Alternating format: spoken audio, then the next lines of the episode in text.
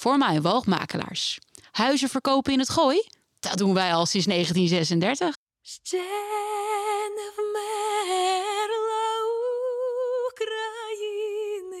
ні слава, ні воля, ще нам, браття українці, усміхнеться доля,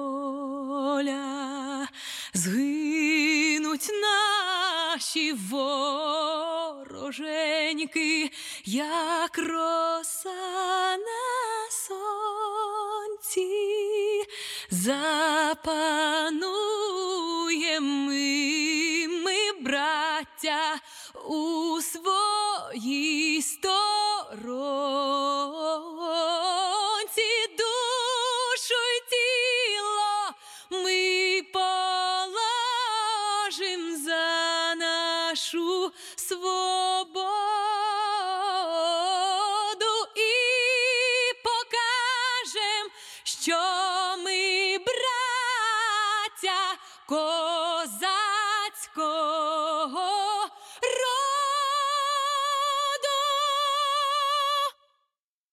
Доброго вечора, шановні радіослухачі. З вами перше українське радіо у Нідерландах на радіохвилі Радіо України НЛ і я, його ведуча Олена Зашивайко. Я вітаю вас всіх, друзі, з сьогоднішнім е, чудовим днем і е, вечором. Сьогодні дуже гарний день. А у Нідерландах був дощ. Такий був дощ, що просто позмивало деякі. Піщані насадження. То- Тож я вітаю всіх, хто дочекався все ж таки прохолоди, і осінь настала.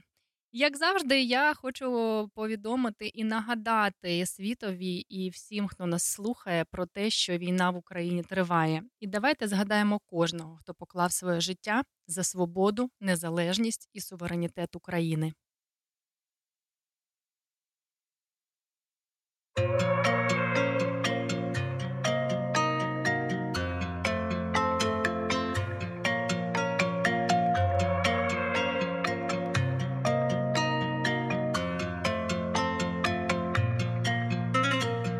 Вітер підіймав небо дим, вічна пам'ять тим, хто загинув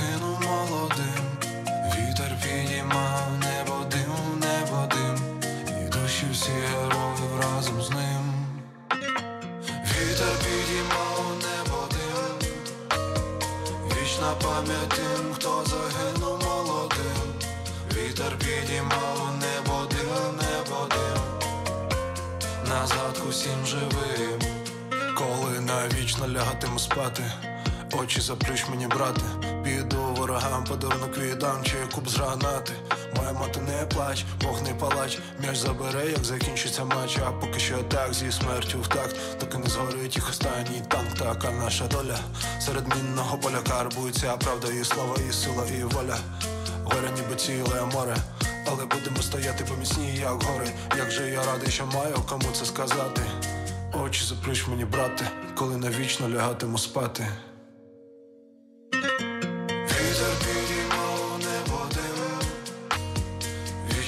Пам'ять тим, хто загинув молодим.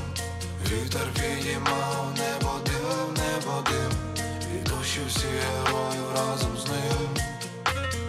Вітер підіймав небо дим, вічна пам'ять тим, хто загинув молодим. Вітер підіймав небо дим, небо дим, на згадку всім живим. Вітер підіймав небо дим, вічна пам'ять тим, хто загинув молодим. Вітер підіймав небо дим, небо дим, і душі всі героїв разом з ним. Вітер підіймав небо дим, вічна пам'ять тим, хто загинув молодим. Вітер підіймав на к усім живим. Друзі, і сьогодні середа. Сьогодні повинна була статися наша хвиля добра з нашою Іннесою, але а вона мені повідомила у особисті повідомлення про те, що сталося якесь ЧП. Я дуже сподіваюся, що з нею все е, добре. І, на жаль, сьогодні ми не послухаємо гостей, е, які були заплановані, але ми послухаємо багато гарної української музики. Я дуже сподіваюся, що вам також цікаво слухати українську. Тож е, насолоджуємося.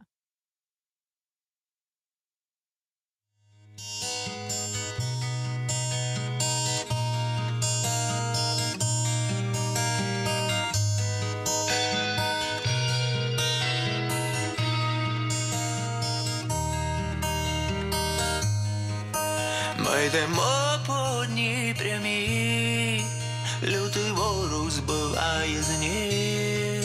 Нас було так багато мрій, а тепер лиш одна на всіх. Кажуть, віра вимує біль, та не змити водою гріх, не зцілити і ран моїх, незагоєних. Разом станемо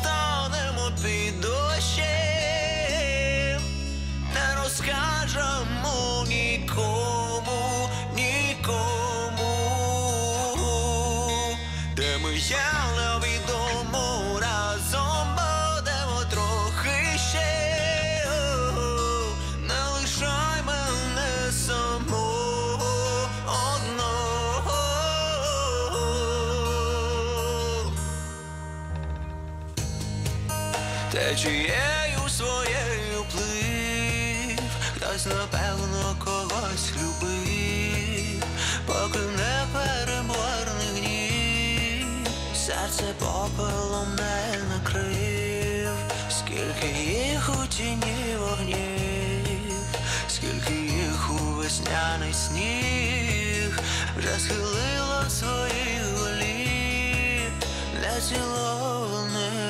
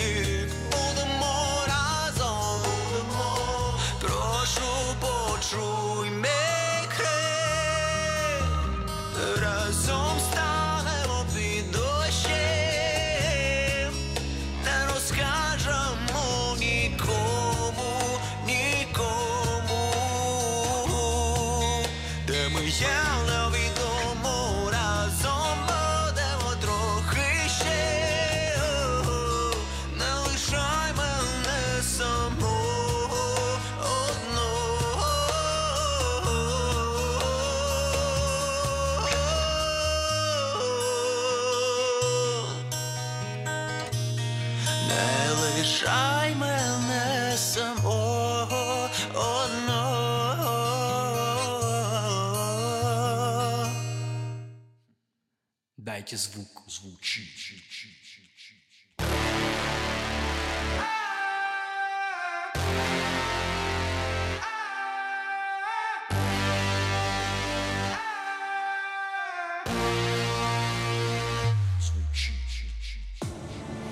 Мне сотни раз скажут, может, что никто ничем не поможет.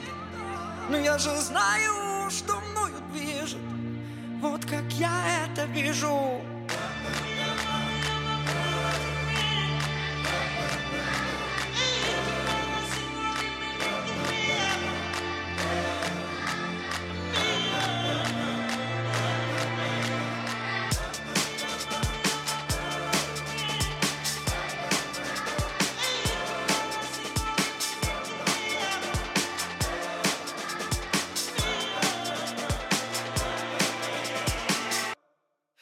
Я знаю мудрые деревья Помогут мне первыми Чтобы в ее такой зеленый взгляд Больше зеленая вода, вода. И небо не забудут меня Все цветы, цвета разбудят и я. Не дожидаясь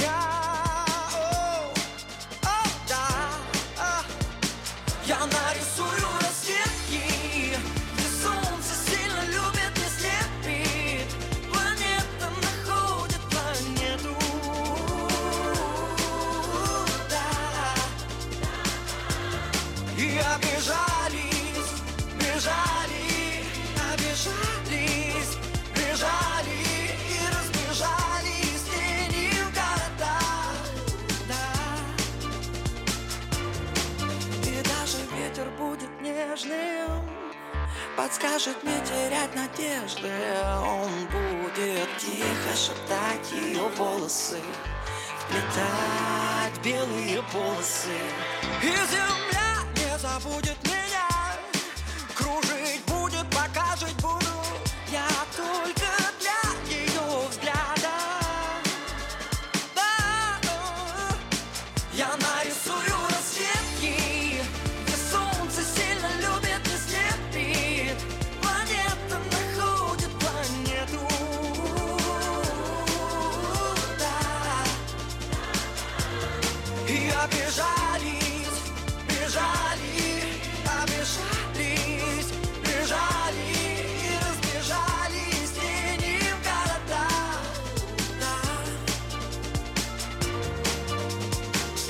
сотни раз скажут, может, что никто ничем не поможет Но я же знаю, что мною движет. Вот как я ее вижу. Я ее вижу одетую в солнце Идущую в танце Не тембр, а краски. Улыбка без маски. И чтобы видение было верным И слышать, как от счастья дышит Мы среди лучших станем первыми. Я разобьюсь, но добьюсь? Слышишь,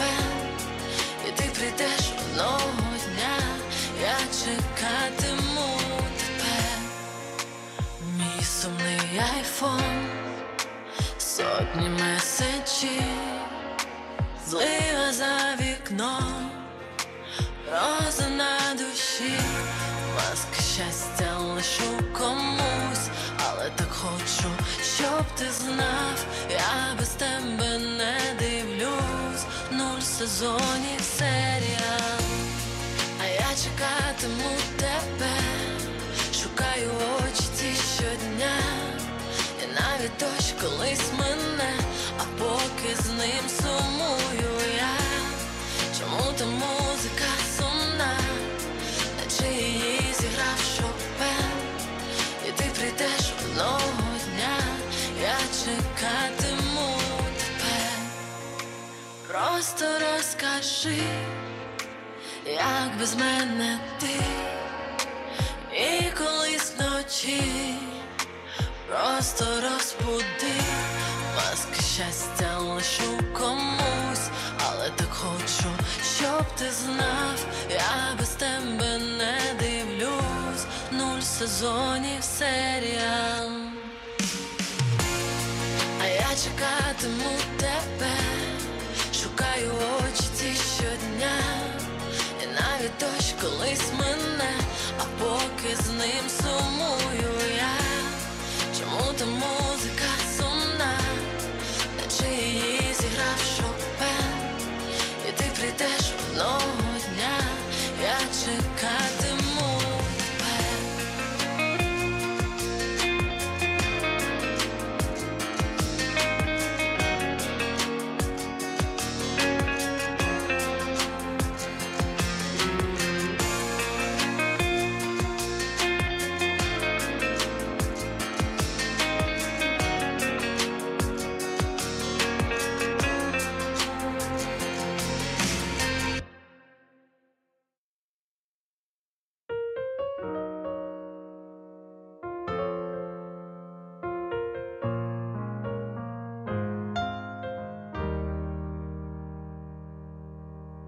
Сьогодні мила день буде прекрасним, і на морозі розцвітуть сади, і сонце нам світити буде ясно, все буде так, як того схочем ми. Танцюй зі мною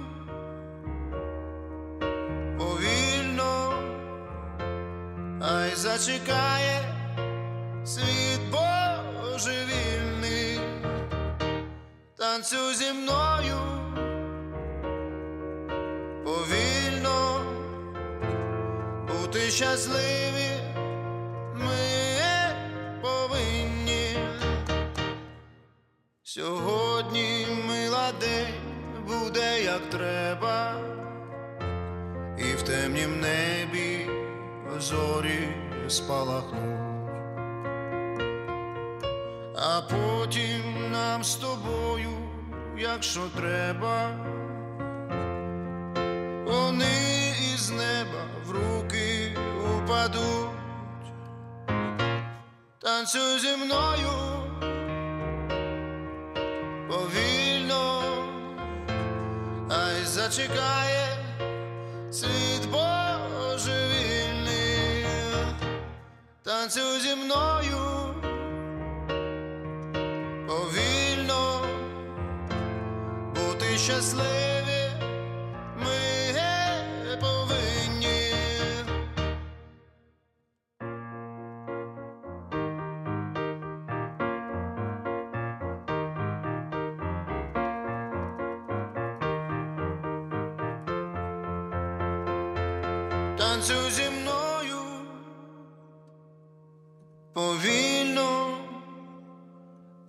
зачекає світ божевільний, танцюй зі мною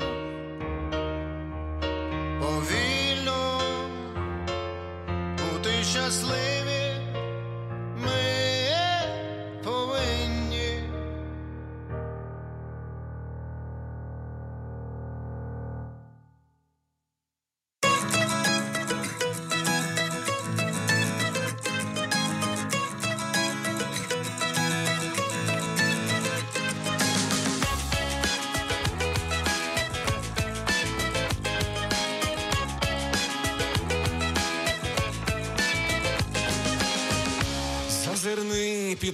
шкіру, там ціле небо журавлі, там ще не вигадали віру, і море повне кораблі, там ріки тихі, повноводні, годують землю молоком. Що ти побачила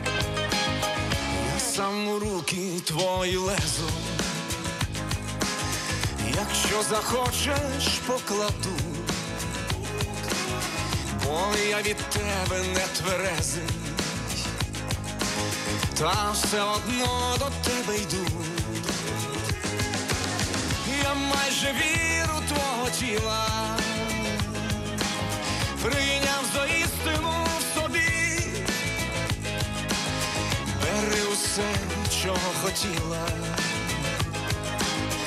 Я віддаю лише тобі, тобі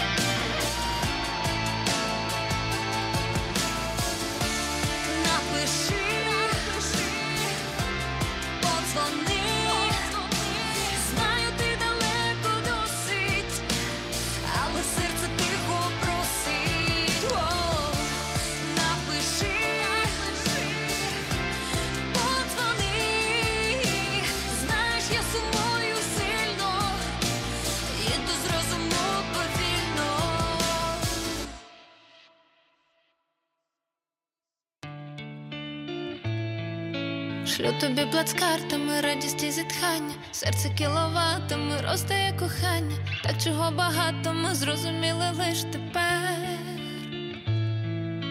десь понад Карпатами, в безкінечнім небі, я лечу крилатими, думками до тебе, очі вже заплакані, і стиска поміж ребер.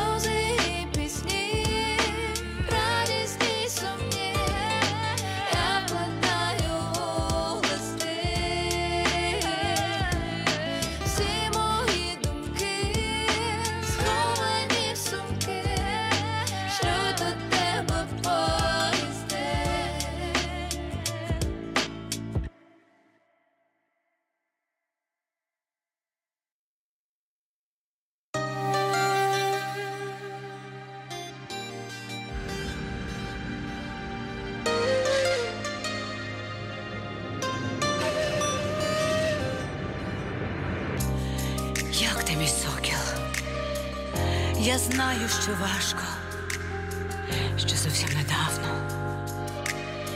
ми вірили в казку, ми високо в небі літали на крилах, та клята війна нас розлучила, я янголом білим до тебе полину, я серце твоє від кулі закрию усі твої рани цілунком загою, я янголом білим буду з тобою.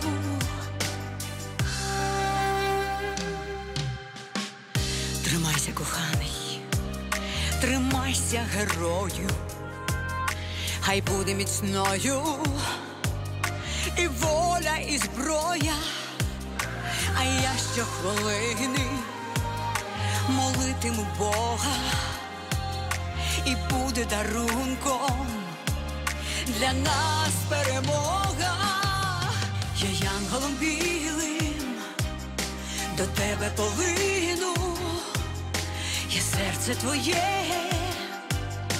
від кулі закрию. Усі твої рани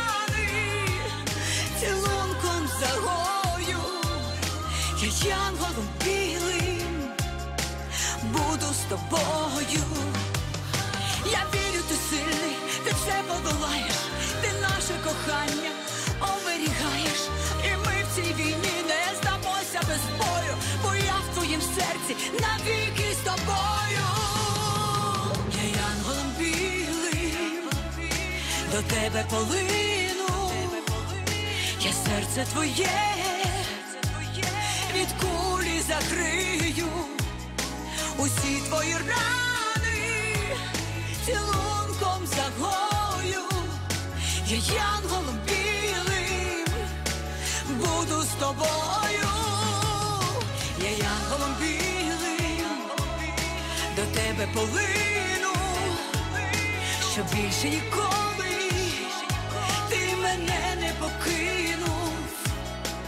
своїми крилами. Тебе обіймаю, хай сила кохання тебе захищає, хай сила кохання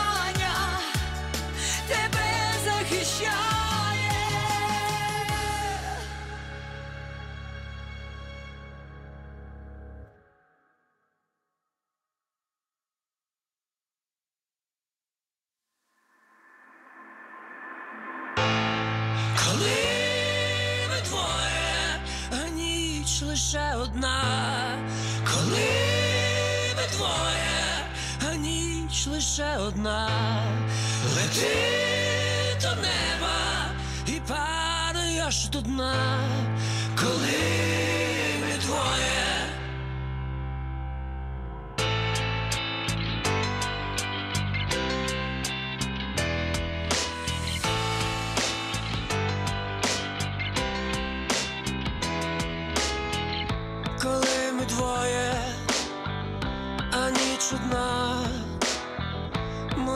бажання, немов натягнута струна, і непомітно зникає біль, і пахне морем, і на губах від тебе сіль, коли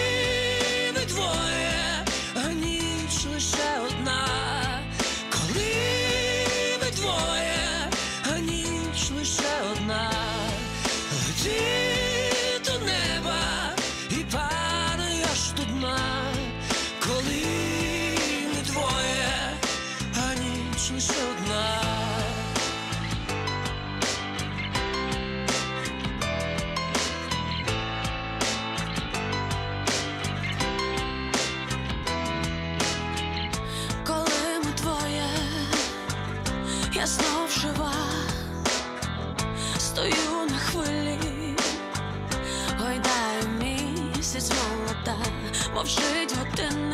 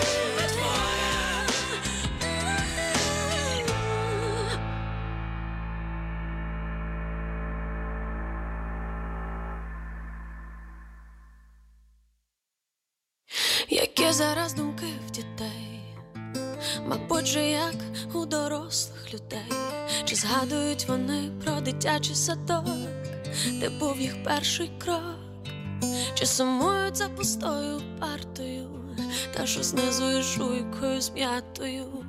Всім нам усвідомити складно, що є насправді в їхніх думках назавжди. Думки дітей, щоб мама посміхалась було своє ліжко, де в руках моя книжка.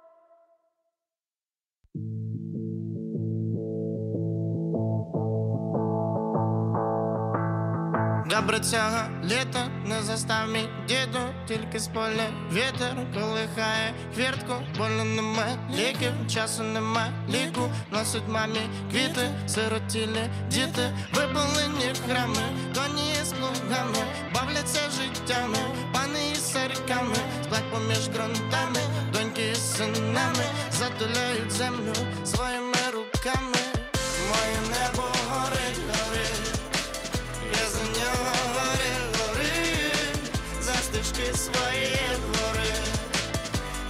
посмішки дітвори, мою землю болить, болить, я за неї море, море, за стежки свої двори, і за посмішки дітвори.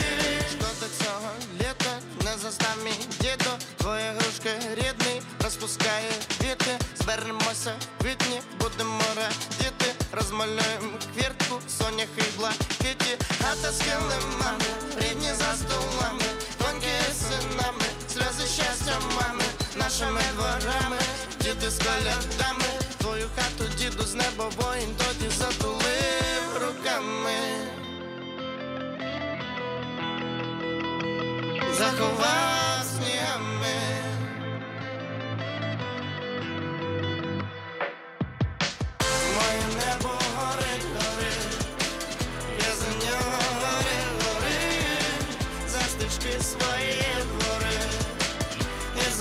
посмішки дітвори, мою землю болить, болить, я за неї море, море, за стежки свої двори, і за посмішки дітвори.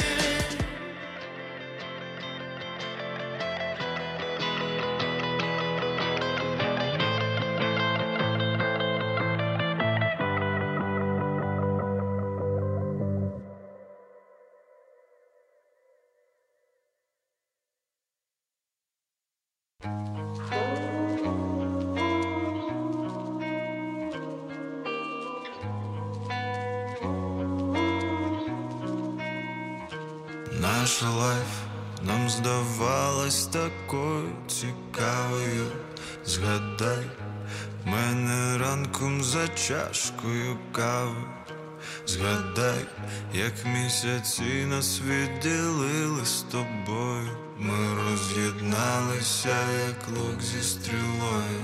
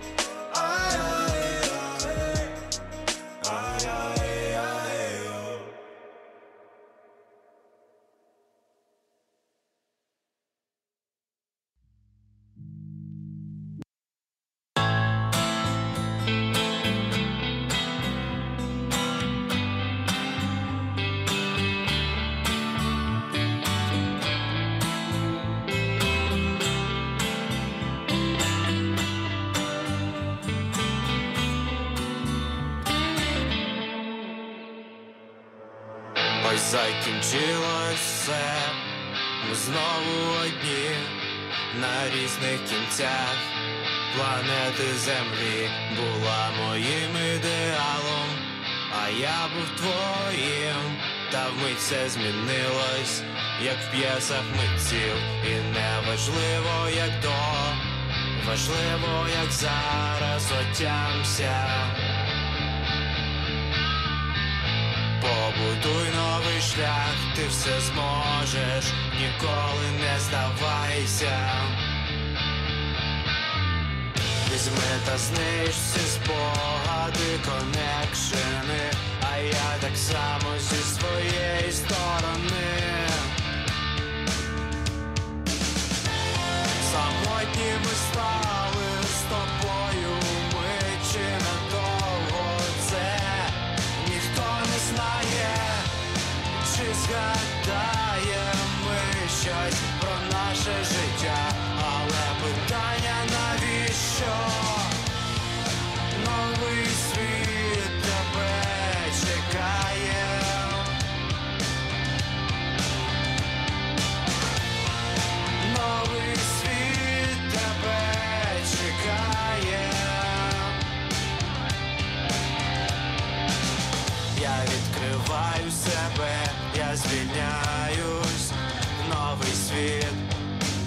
вже чекає, дивлюсь тільки вперед, забуваю про мед, майбутнє своє я далі відкриваю, наче птах полечу, я у свій новий світ, там просто рудо схочу, і я розправлю крила, новий день вже йде, зустрічає мене.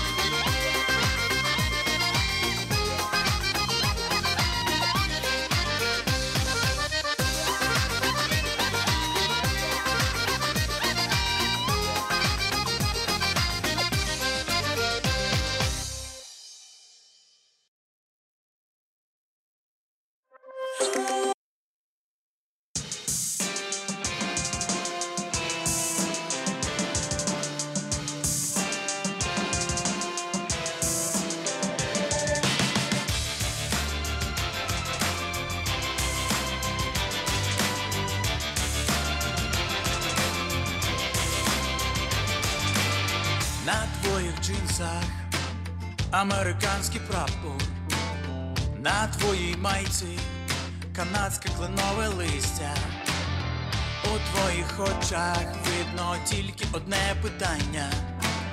Хто мені скаже, чому я тут народився?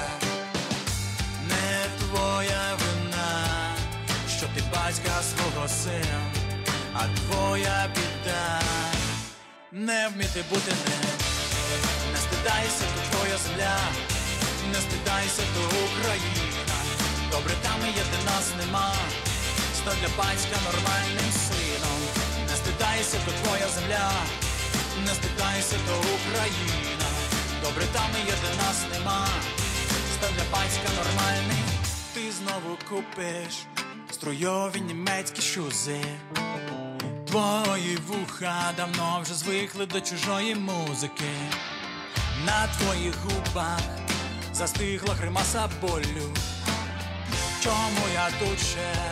Я хочу давно на волю. Не твоя вина, що ти батька свого сина, а твоя біда не вміти бути ним. Не стидайся, то твоя земля, не стидайся, то Україна. Добре, там є, де нас нема. Стань для батька нормальним сином. Не стидайся, то твоя земля, не стидайся, то Україна. Добре, там є, де нас нема.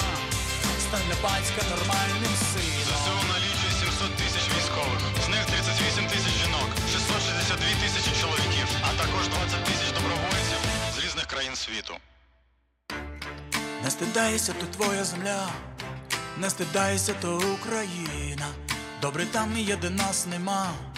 Стань для батька нормальним сином. Не стидайся, то твоя земля, не стидайся, то Україна. Добре, там є, де нас нема.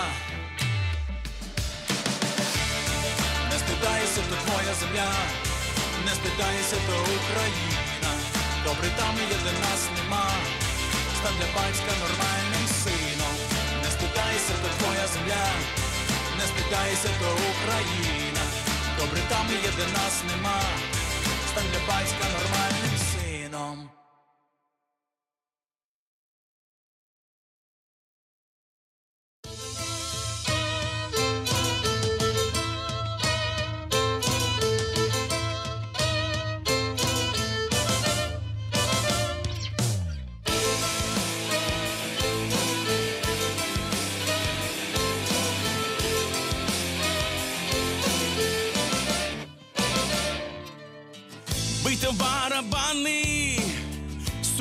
Що є сили, неподільний край наш, віче так рішило, степом вільний вітер, вихором літає, ми ж такі, як вітер, кожен козак знає, степом вільний вітер, вихором літає, ми ж такі, як вітер, кожен козак знає,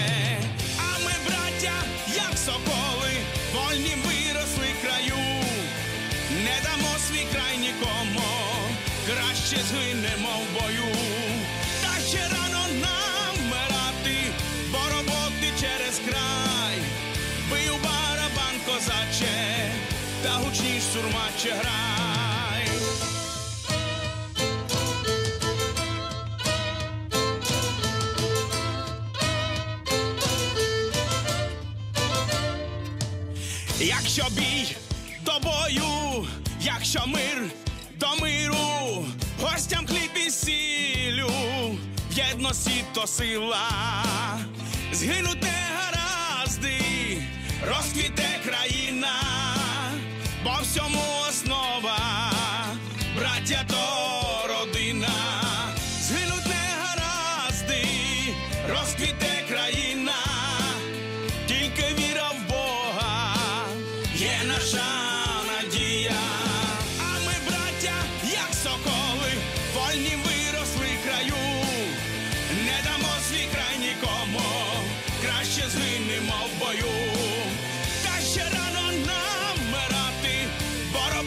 через край, бий у барабан козаче, та гучніш сурмаче грай.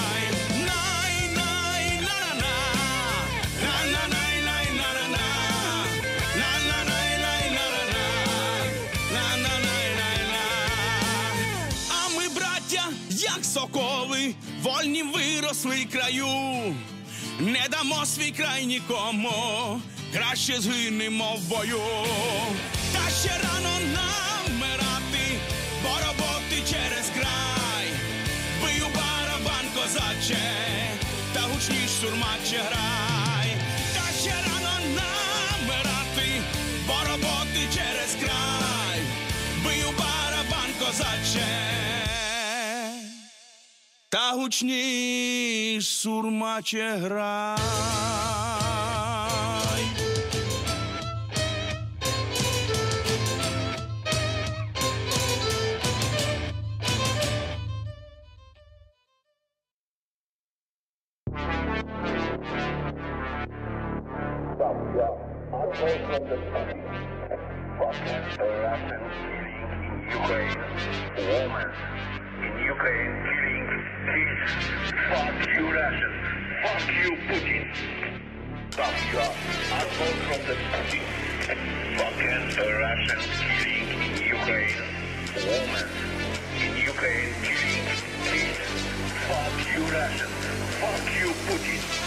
Ласкаво просимо до пекла. Не так, не так. Welcome to Ukraine!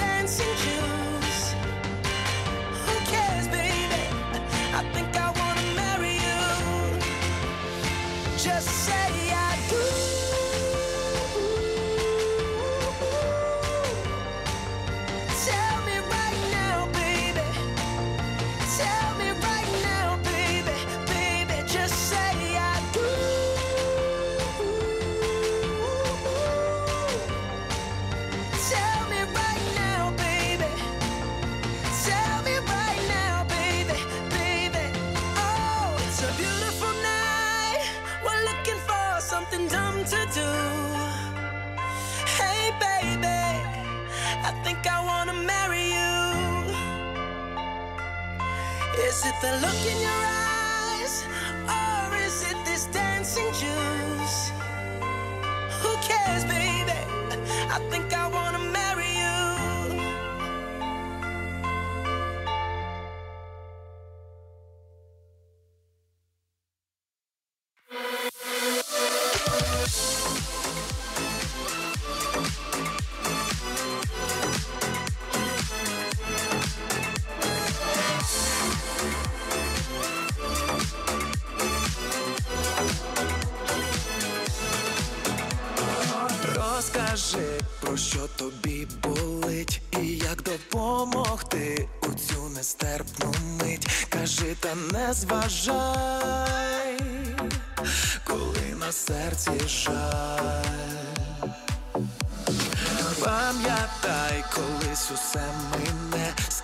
Закінчиться чорна ніч, настане новий день, до тебе повернусь, з тобою залишусь.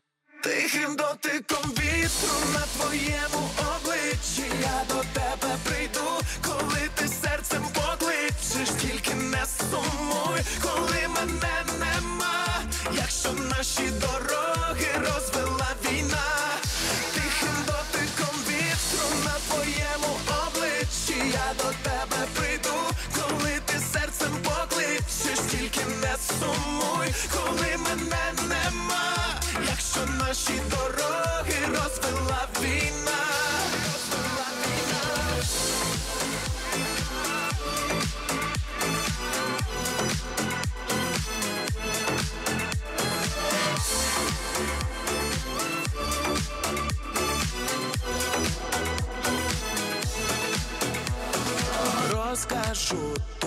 почуття, про те, що ти одна, моя на все життя, майбутнє розділю, одна, та лиш за нас молюсь. Почекай, коли пройдуть дощі, повернеться тепло та спокій у душі, до тебе доторкнусь, назавжди залишусь. Тихим дотиком вітру на твоєму обличчі. Я до тебе прийду, коли ти серцем покличеш, тільки не сумуй, коли мене нема, якщо наші дороги розвела війна, тихим дотиком вітру на твоєму обличчі. Я до тебе прийду, коли ти серцем покличеш, тільки не сумуй, коли мене нема що наші дороги розвела війна.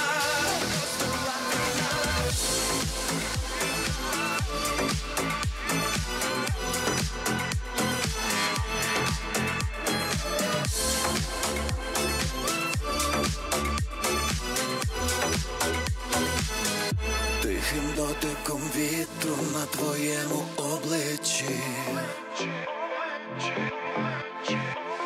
Я до тебе прийду, коли ти серцем покличеш. Тихим дотиком.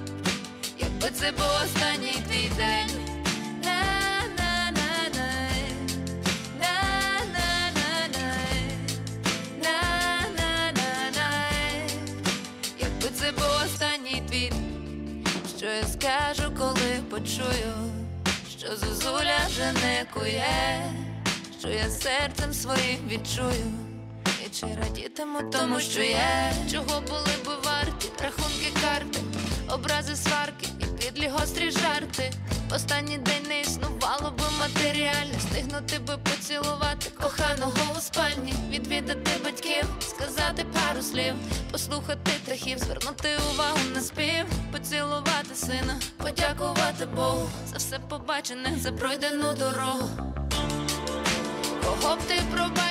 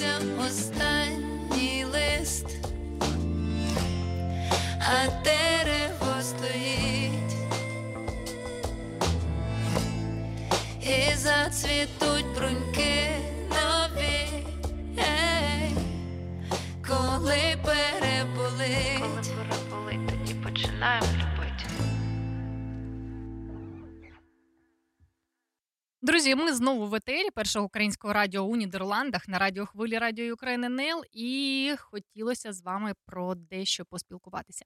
Останнім часом ми спостерігаємо дуже дивну ситуацію, коли а, дехто з людей а, думає, і що має право писати свої або е, вказувати так свої думки іншим, коли їх про це е, не питали, або е, перекручувати інформацію інших, так і подавати під своїм таким соусом. І е, розповідати про те, що всі е, навкруги не такі, як хотілося б, щоб вони були для тої чи іншої людини. І от е, стосовно цього всього, е, ми проведемо каву з психологом на тему конгвітивне упередження. І що ж це, це таке? Або конгвітивна ілюзія, або конгвітивне спотворення. І це саме відхилення у судженнях, яке супроводжується можливою нелогічністю у прийнятті висновків про інших людей і ситуацій. Людина створює свою суб'єктивну соціальну реальність на основі власного сприйняття даних зовнішнього світу. Побудована ін- індивідом соціальна реальність, а не реальні зовнішні дані, може диктувати його поведінку в соціальному світі, іноді розводячи до спотворення сприйняття, неточного судження, нелогічної інтерпретації або того, що в широкому сенсі називається ірраціональністю. Конгвітивні упередження дозволяють швидше ухвалювати рішення, коли швидкість реакції цінніша за точність. А от, наприклад, інші конгвітивні упередження це є наслідком обмежень людських можливостей щодо обробки даних чи результатом відсутності відповідних психічних механізмів. Іншими словами, обмежена раціональність.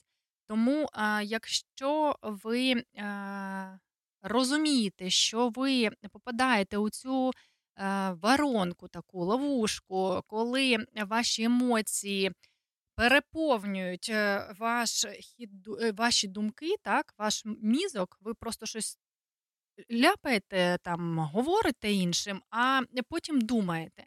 То от стосовно цього у нас буде ефір з психологом. Ми, скоріш за все, його проведемо у інстаграм, тому що, на жаль, е, сьогодні е, Катерина також зайнята. А в п'ятницю у нас будуть дуже цікаві гості, і ми в п'ятницю не зможемо провести нашу рубрику психологічної підтримки. Але тема дуже важлива. Тому приєднуйтеся до прослуховування, пишіть свої запитання, пишіть е, свій фідбек, чи зіштовхувалися, зіштовхувалися ви з такими упередженнями, з такими людьми, коли ви говорите про біле, вам е, відповідають про чорне і взагалі спотворюють вашу інформацію, перетворюють її е, на таку, яка буде вигідна тій людині, котра про це говорить. Це дуже важливо, тому що такі люди можуть нанести психологічні якісь е, образи, так, е, оточуючим. Тож для того, щоб розібратися у ситуації, для того, щоб а, зрозуміти, що ж це таке і з чим його їдять, так, е, наша психологиня Катерина Скареднєва розкаже, е, розбере по поличках, е, пояснить, е, як з цим працювати, як з цим жити, як комунікувати з такими людьми. Тобто, і взагалі е, пояснить, як звертати увагу на себе, тому що, можливо, і ви маєте таку, такі сприйняття так, до маніпуляцій. Тобто чекайте за анонсами, скоріш за все, якщо у нас буде все добре, і е, ми зможемо вийти сьогодні в прямий ефір з інстаграму. Це буде не радіоефір, це буде лише інстаграм-сторінка. Тож слідкуйте за нашими соціальними мережами, там буде дуже цікава тема. І також ми її е, запишемо, і буде можливість послухати подкаст саме у інстаграмі. І продовжимо слухати нашу українську музику. Маленька я сказала б собі дорослі, не припиняй вірити у дива, ніколи літо, ніколи осінь. Доросла я сказала б собі маленький, в світі багато, багато зла, не втрать своє світло руденьке. І на повторі знову ті ж самі слова. І коли я доросла, і коли була мала,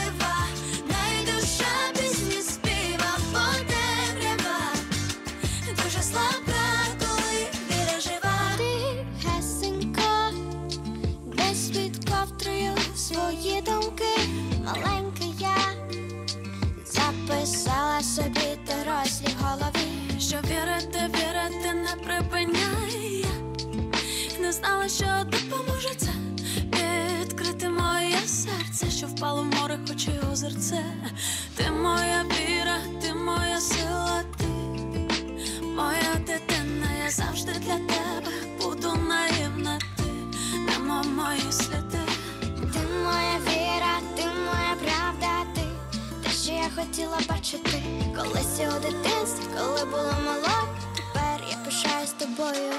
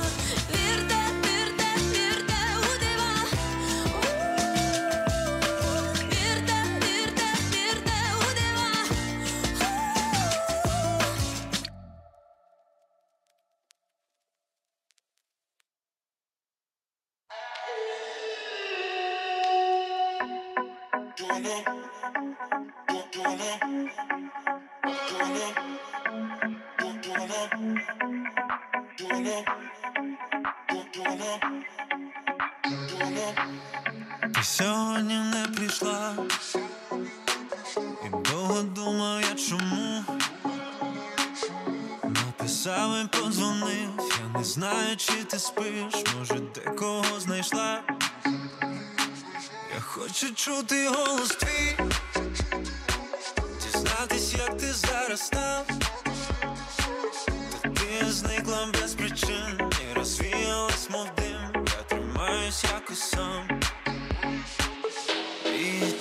світло не згасає твого самотнього вікна. Я під вікном твоїм залишусь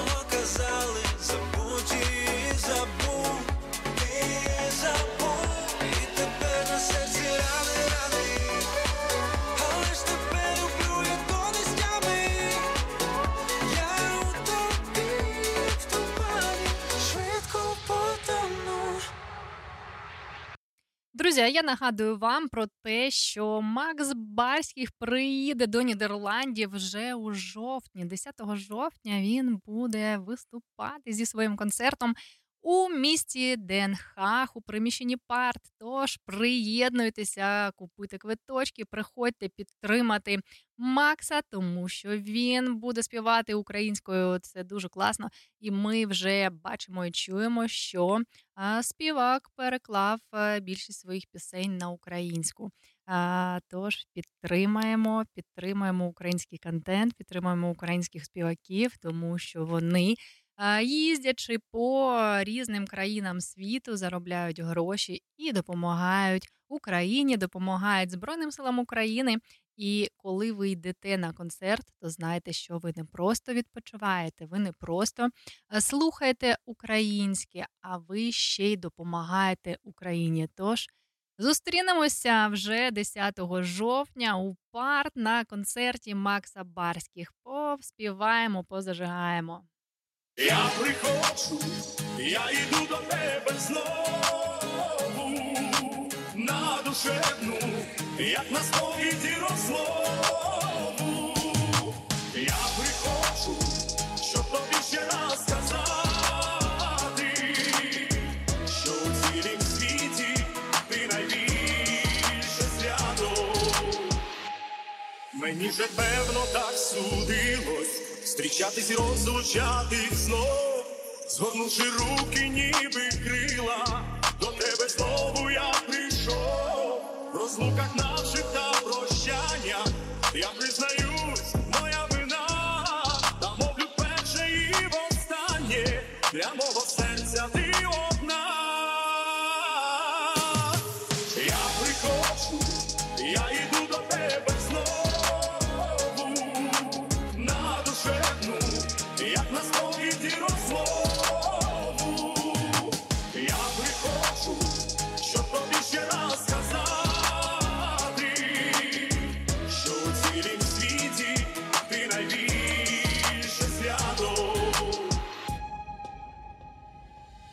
Тобі доземно я вклонюся. За те, що довго ждеш мене, і власні долі посміхнуся, щоб забувалося сумне. Біжить моя любов по сліду, і я благаю,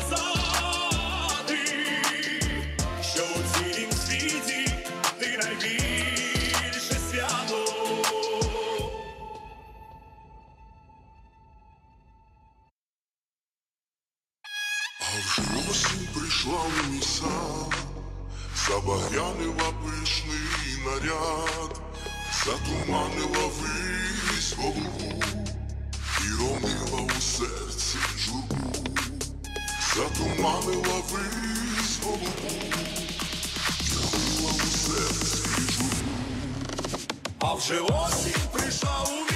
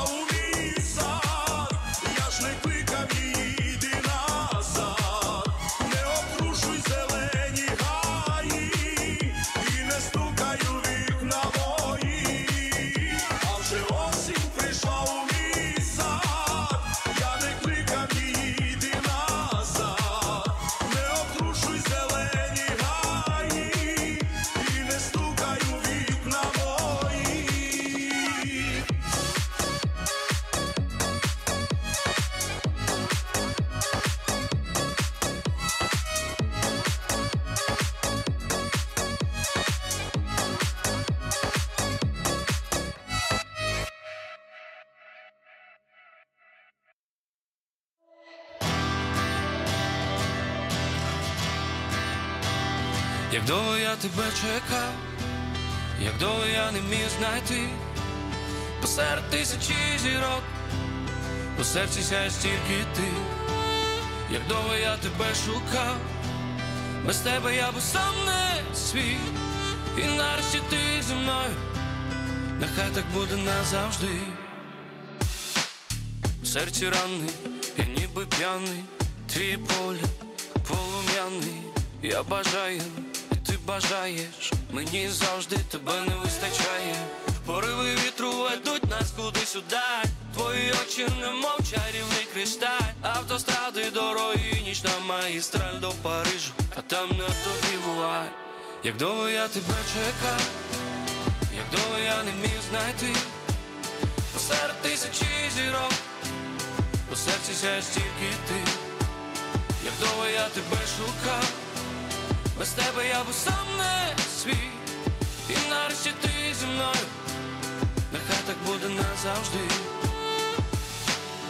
Мені би діти нам кудись би дітись, посміхатись всьому брадіти, під синім небом дощем накриті, ми невгамовні маленькі діти. По великим містам, вулицям я блукав, що таке щастя без тебе не знав, скільки фальші і горя я подолав, і тільки з тобою кохання пізнав, як довго я тебе чекав, як довго я не міг знайти. Посеред тисячі зірок, у серці сяє стільки ти, як довго я тебе шукав, без тебе я був сам не свій, і нарешті ти зі мною, нехай так буде назавжди. Так довго я тебе чекав, так довго я тебе шукав, так довго, так довго, без тебе ніби заблукав, без тебе я був сам на сам, так довго,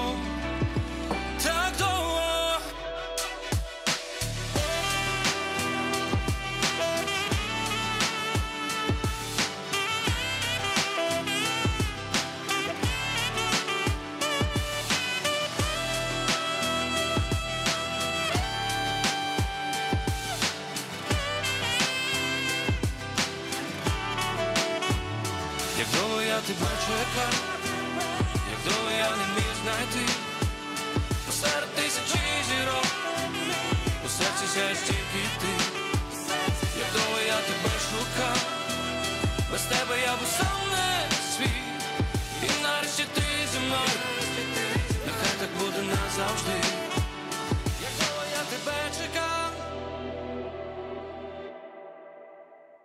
Друзі, а всім, хто чекає, я бажаю дочекатися і зустрітися зі своїми рідними, близькими, коханими і взагалі тих, кого ви чекаєте. Е, Бажаю всім гарного вечора і настрою. А зараз ми послухаємо іще трошечки української музики. Сьогодні у нас такий лайтовий музичний ефір з українськими піснями. Тож насолоджуйтесь.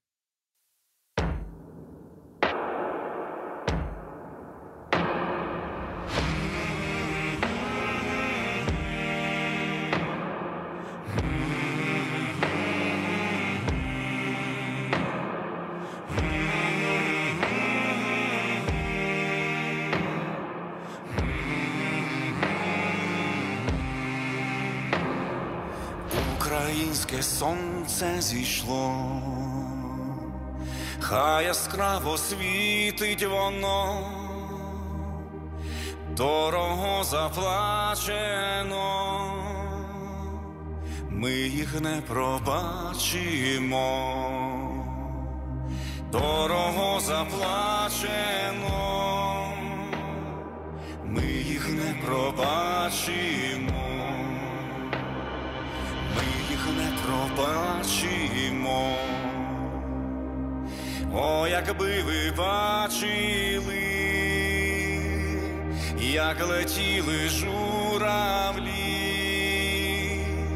воїв на щитах несли, як летіли журавлі, воїв на щитах несли на щитах несли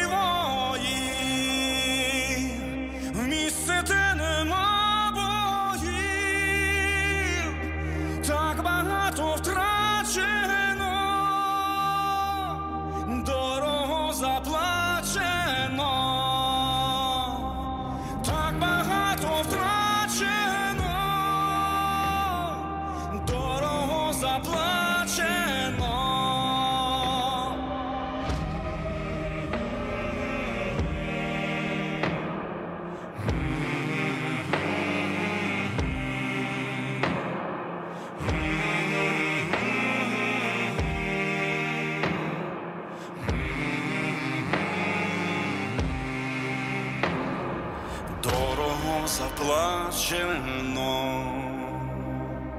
ми їм не пробачимо, хай яскраво світить воно, українське сонце зійшло,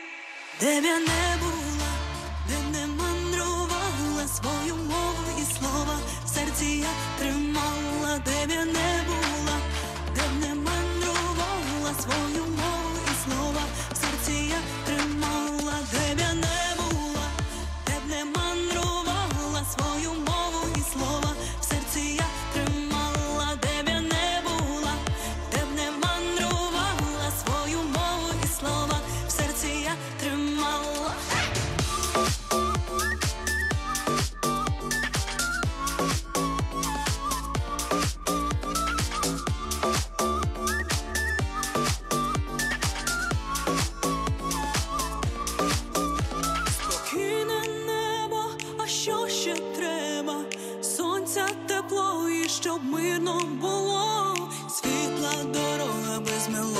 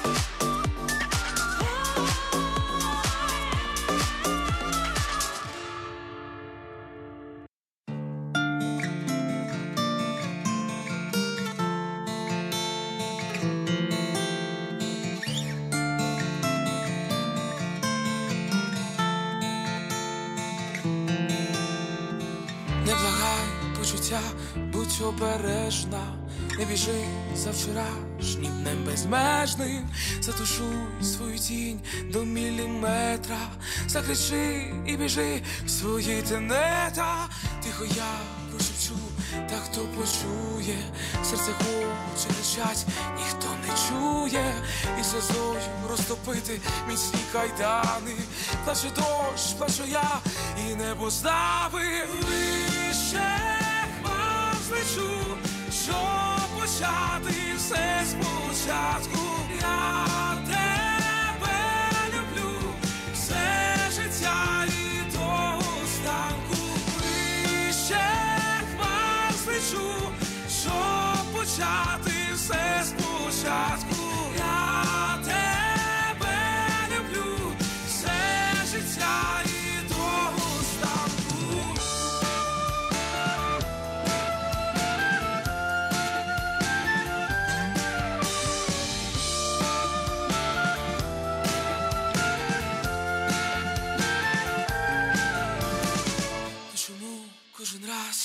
коли злітаєш, щось тримає тебе, і ти не знаєш, як любов зберегти, але це тайна.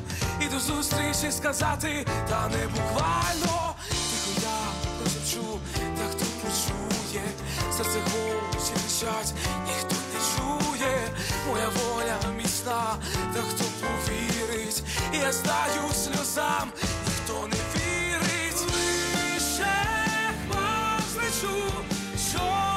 почати все спочатку. Я тебе люблю, все життя і до останку. Лише вас лечу, щоб почати все спочатку.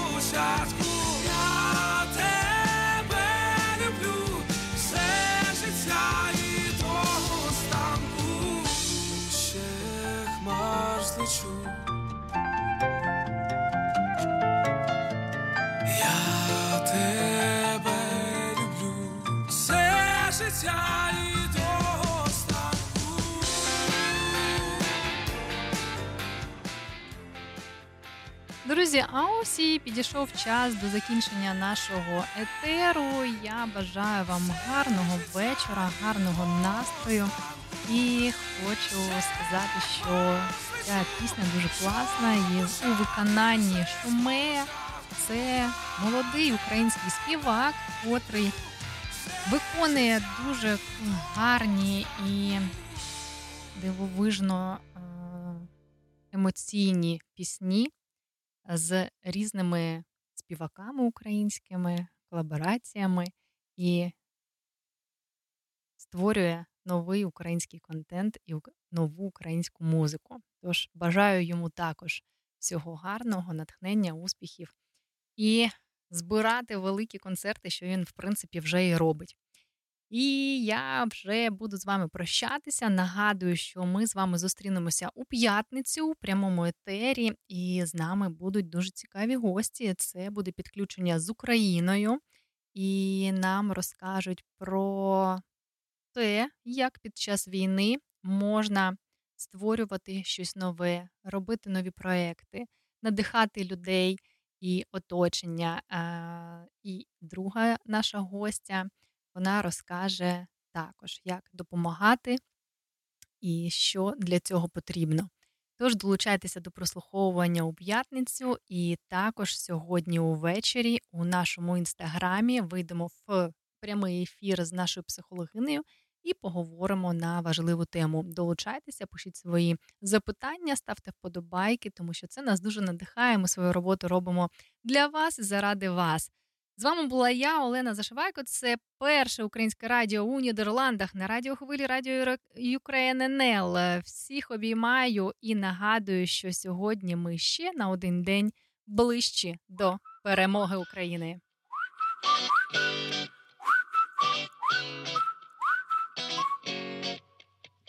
палаючи вогнем в своїх серцях, ми маємо